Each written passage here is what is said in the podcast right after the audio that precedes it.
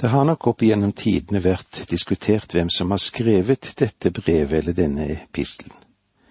Simon Peter sier det iallfall på denne måten med en hilsen i introduksjonen, i det første verset i kapittel én. Simon Peter, Jesu Kristi tjener og apostel, hilser dem som ved vår Gud og Frelser Jesu Kristi rettferdighet har fått den samme dyrebare tro som vi. Men om Peter er den egentlige forfatter til epistelen, der er altså, som jeg sa innledningsvis, diskutert mer enn noen annen bok i Det nye testamentet. Det er en formkritiker i Sverige som heter Egnell, han skriver det slik. Første Peters brev er blitt til etter at Peter og Paulus er anerkjente matyrer i kirkens historie. Men dette har fått konservative forskere til å vie denne epistelen eller dette brevet større oppmerksomhet, og i dag er det vel anerkjent det faktum blant mange av Peters venner at det var han som skrev dette brevet. Og ser vi i kapittel tre, i det første verset der, leser vi slik. Mine kjære, dette er nå det andre brevet jeg skriver til dere.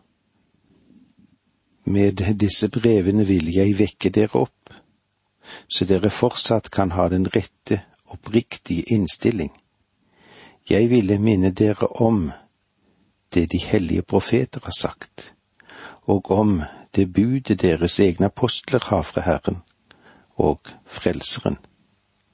Dette må dere huske.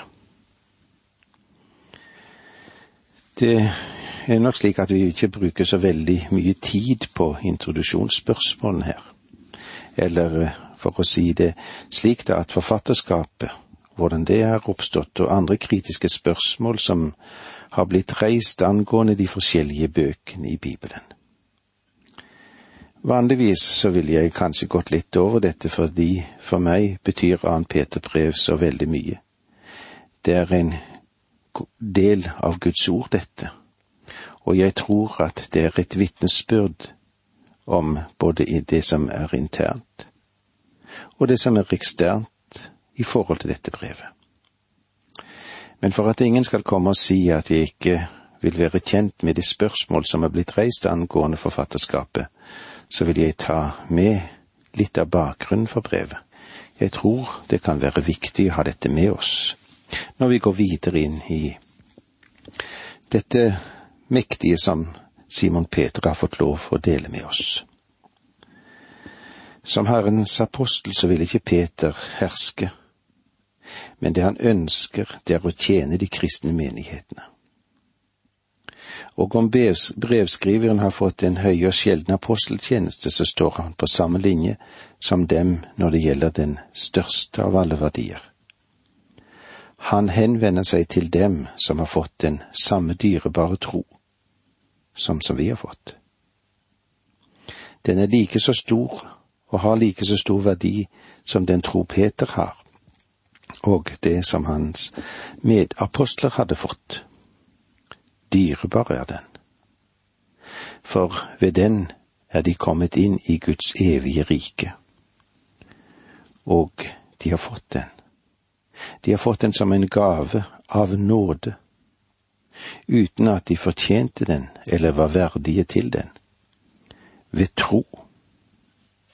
Ved tro, det er vel tenkt på både på troens innhold og på den kristne lære, og på den subjektive personlige tro som er virket av Guds ånd, og som bringer mennesket frelse når han tillitsfullt griper Guds utstrakte hånd. Og du har vel tatt imot denne hånd? Du som er med oss på vandringen gjennom Bibelen, veien gjennom Bibelen. Det tok nok litt lang tid før andre Peters brev ble akseptert av kirken som en del av Skriftens kanon. Kanon, det betyr jo rettesnor, det. Det vil si at de som ble ansett som ekte skrifter,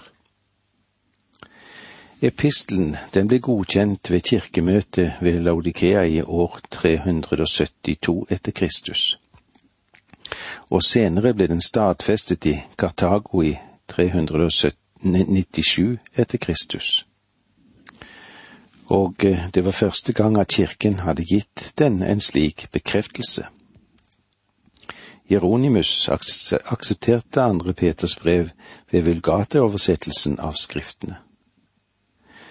Men det ble ikke tatt med i den syriske Pesita-oversettelsen. Men den oversettelsen er også tvilsom av andre grunner, og derfor er det litt meningsløst å reflektere av hvorfor annet Peters brev ikke ble tatt med i den.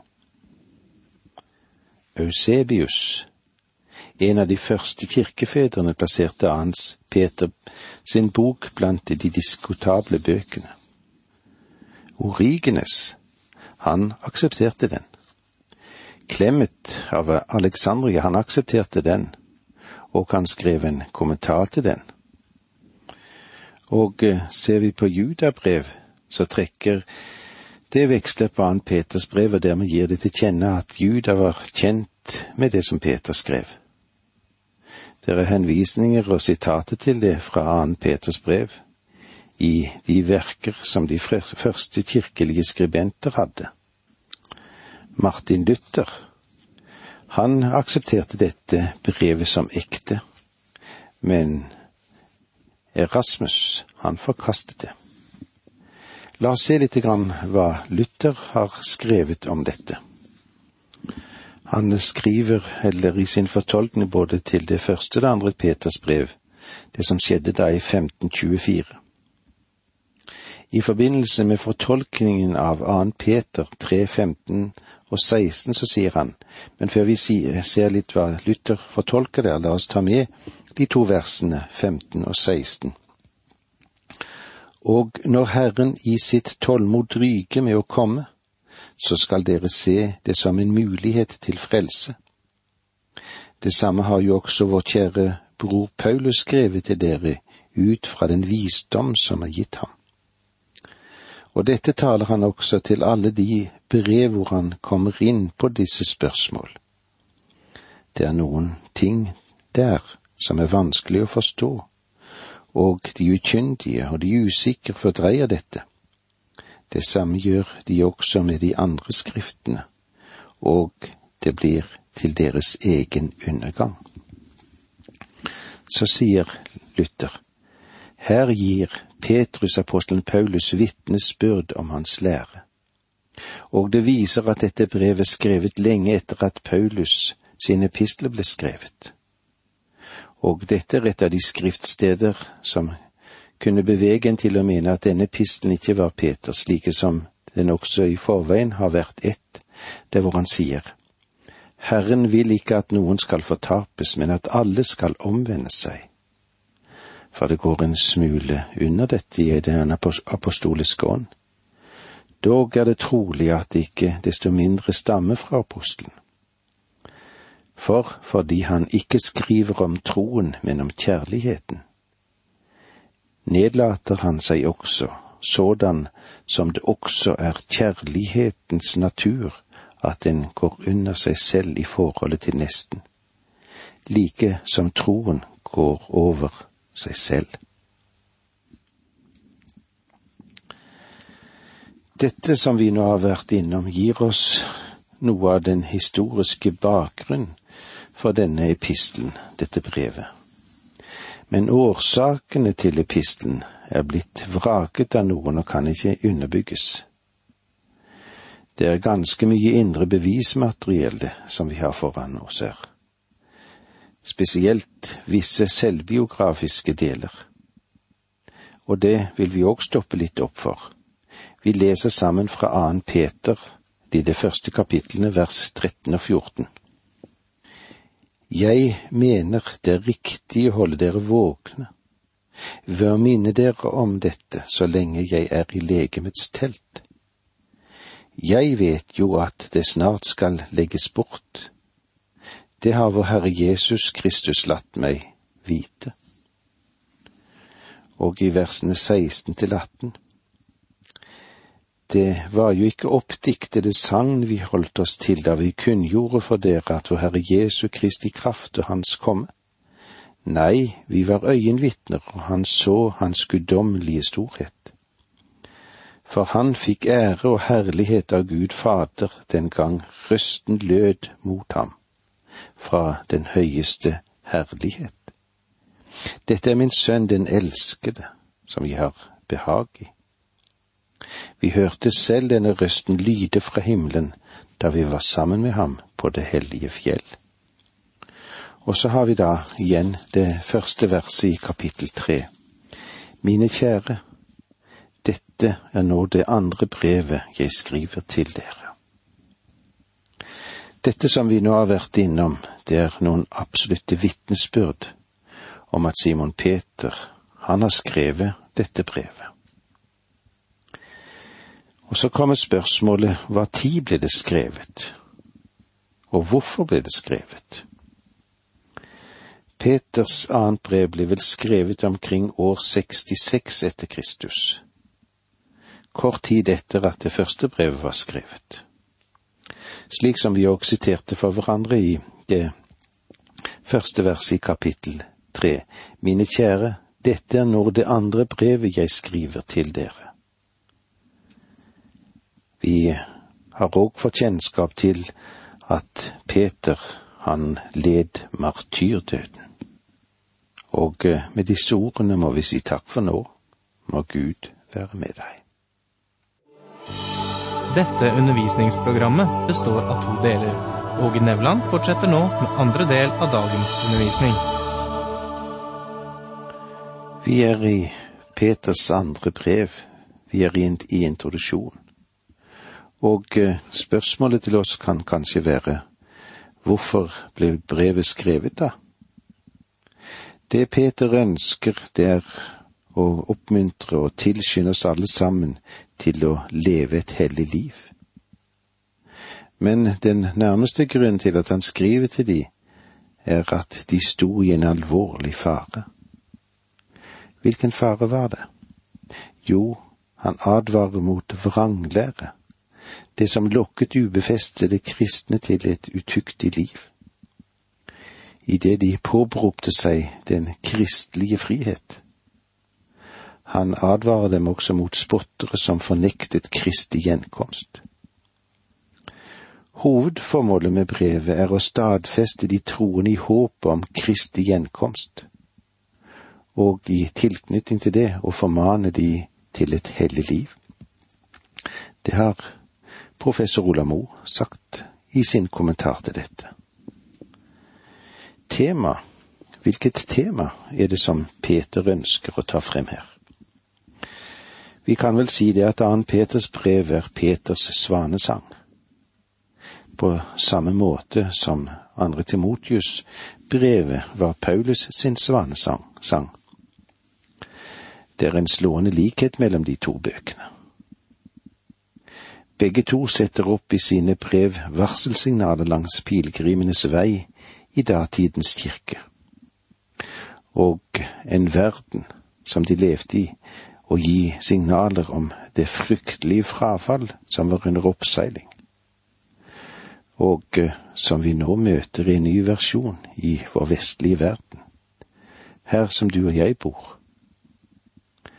Det var som da en sky på størrelse med en mann som dekket en dag store deler av himmelen og skaper en storm med orkanstyrke i kastene. Hva er det Peter vil? Jo, han advarer mot kjetteri blant de som var lærere i menigheten.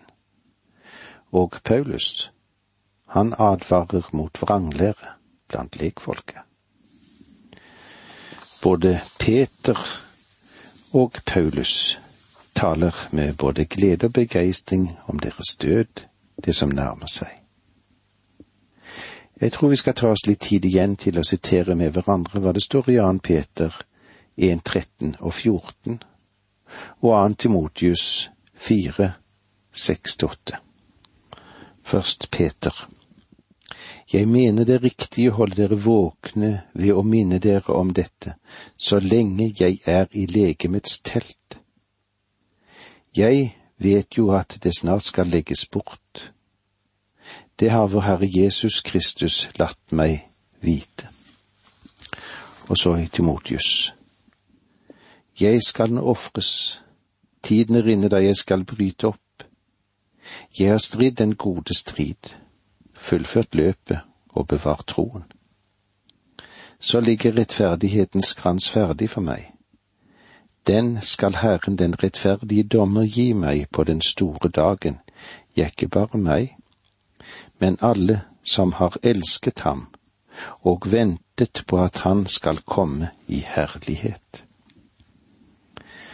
Paulus, han sa det slik at han visste at tiden for hans bortgang, den var nær.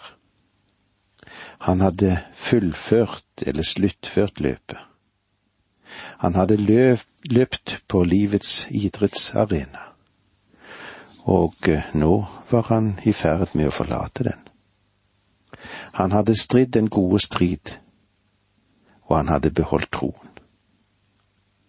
Rettferdighetens krans lå nå ferdig og ventet på ham, og du møter den samme triumferende tone her i Jan Peters brev, også der Peter møter døden ansikt til ansikt. Begge disse to apostlene forankrer menigheten i Skriftene. De forankrer dette på Guds ord. Det er det eneste som forsvar mot det frafallets tid som stormer mot oss nå. Det er ikke rart at fienden har angrepet andre Peters brev. For dette er et av de beste skjold som er gitt oss for å berge oss mot de brennende pilene som den onde skyter mot oss hver eneste dag i vår tid. Likhetene mellom annet Peters brev og Paulus sitt siste brev, altså annet Timotius brev, forklarer også den skarpe kontrasten mellom Peters første og andre brev er. Temaet for den andre epistelen er et annet enn det du møter i det første. Og forskjellen kan karakteriseres som like stor som den eksisterer mellom Paulus sitt brev til romene og det siste brevet til Timotius. I andre Peters brev ser vi at frafallet, det nærmer seg. Stormen kommer. Hvordan skal vi forberede oss til å møte den? Det er bare én vei, sier Peter, og det er gjennom kunnskap.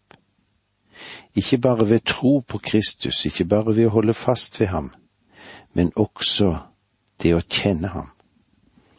Og dette er det evige liv, sa Herre Herre Jesus, at dere kjenner den eneste sanne Gud og ham Hans utsendte, Jesus Kristus, som det står i Johannes 17,3.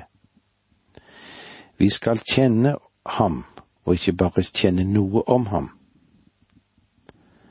For litt siden hørte vi at en amerikaner forsøker å evangelisere i Europa ved å starte en ny menighet som han kaller en kristen menighet uten å bruke verken navnet Gud eller Kristus og det er det mest håpløse og vanvittige noe menneske kan prøve seg på å gjøre. Om han vil starte en eller annen slags organisasjon, så la han gjøre det. Men du kan ikke starte noe kristent uten Kristus. Å forsøke å gjøre det ville være som å lage en blåbærtert uten blåbær, eller forsøke å kjøre en bil uten bensin på tanken. Om du er en kristen, så må du kjenne Kristus. Og det betyr ikke bare at du må kjenne noe til ham, men du må kjenne ham. Og det er en veldig stor forskjell på disse to tingene. Det store temaet for denne pistelen vil ikke bare være frafallet som nærmer seg, men også det som kan representere vårt forsvar, kunnskap. Hvor finner vi denne kunnskapen, og hvordan kommer den til oss? Peter vil si den eneste vei som leder inn i dette riket, går gjennom Guds ord. Det sikre profetiske ord som han vil tale om. Du forstår det at det kristne livet er mer enn bare en fødsel. Det er en vekst, det må være vokster. Det må være en utvikling. Nøkkelen til hele denne pissen ligger i det siste verset. Dere skal vokse i nåden og i kjennskap til vår Herre og Frelser Jesus Kristus.